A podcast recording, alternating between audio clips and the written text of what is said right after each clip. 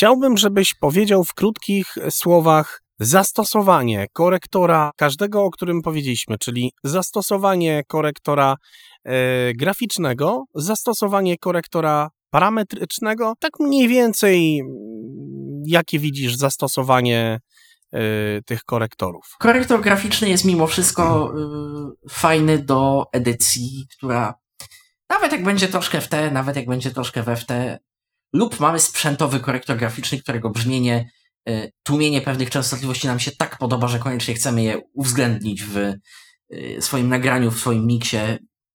Proszę bardzo. Natomiast jest to korektor, którym mimo wszystko dokonujemy edycji z grubsza. W korektorze graficznym y, wiadomo, że nie mamy pełnej kontroli nad granicami tego pasma, co go w żaden sposób nie dyskredytuje. Korektor parametryczny może osiągnąć dokładnie to, co graficzny, jeżeli wiemy, czego chcemy, a może się stać skalpelem w naszym ręku i po prostu służyć do zabawy bardzo konkretnymi częstotliwościami, bardzo konkretnymi scenariuszami, yy, wycinaniem sprzężeń, wycinaniem rezonujących częstotliwości w instrumentach, wycinaniem w zasadzie wszystkim tym, do czego jest korektor. Natomiast czasami może być tak, że biedzimy się nad korektorem parametrycznym, siedzimy nad tym parametrem Q i nie możemy nic wykręcić. Nie rezygnujmy z graficznego w takich sytuacjach też.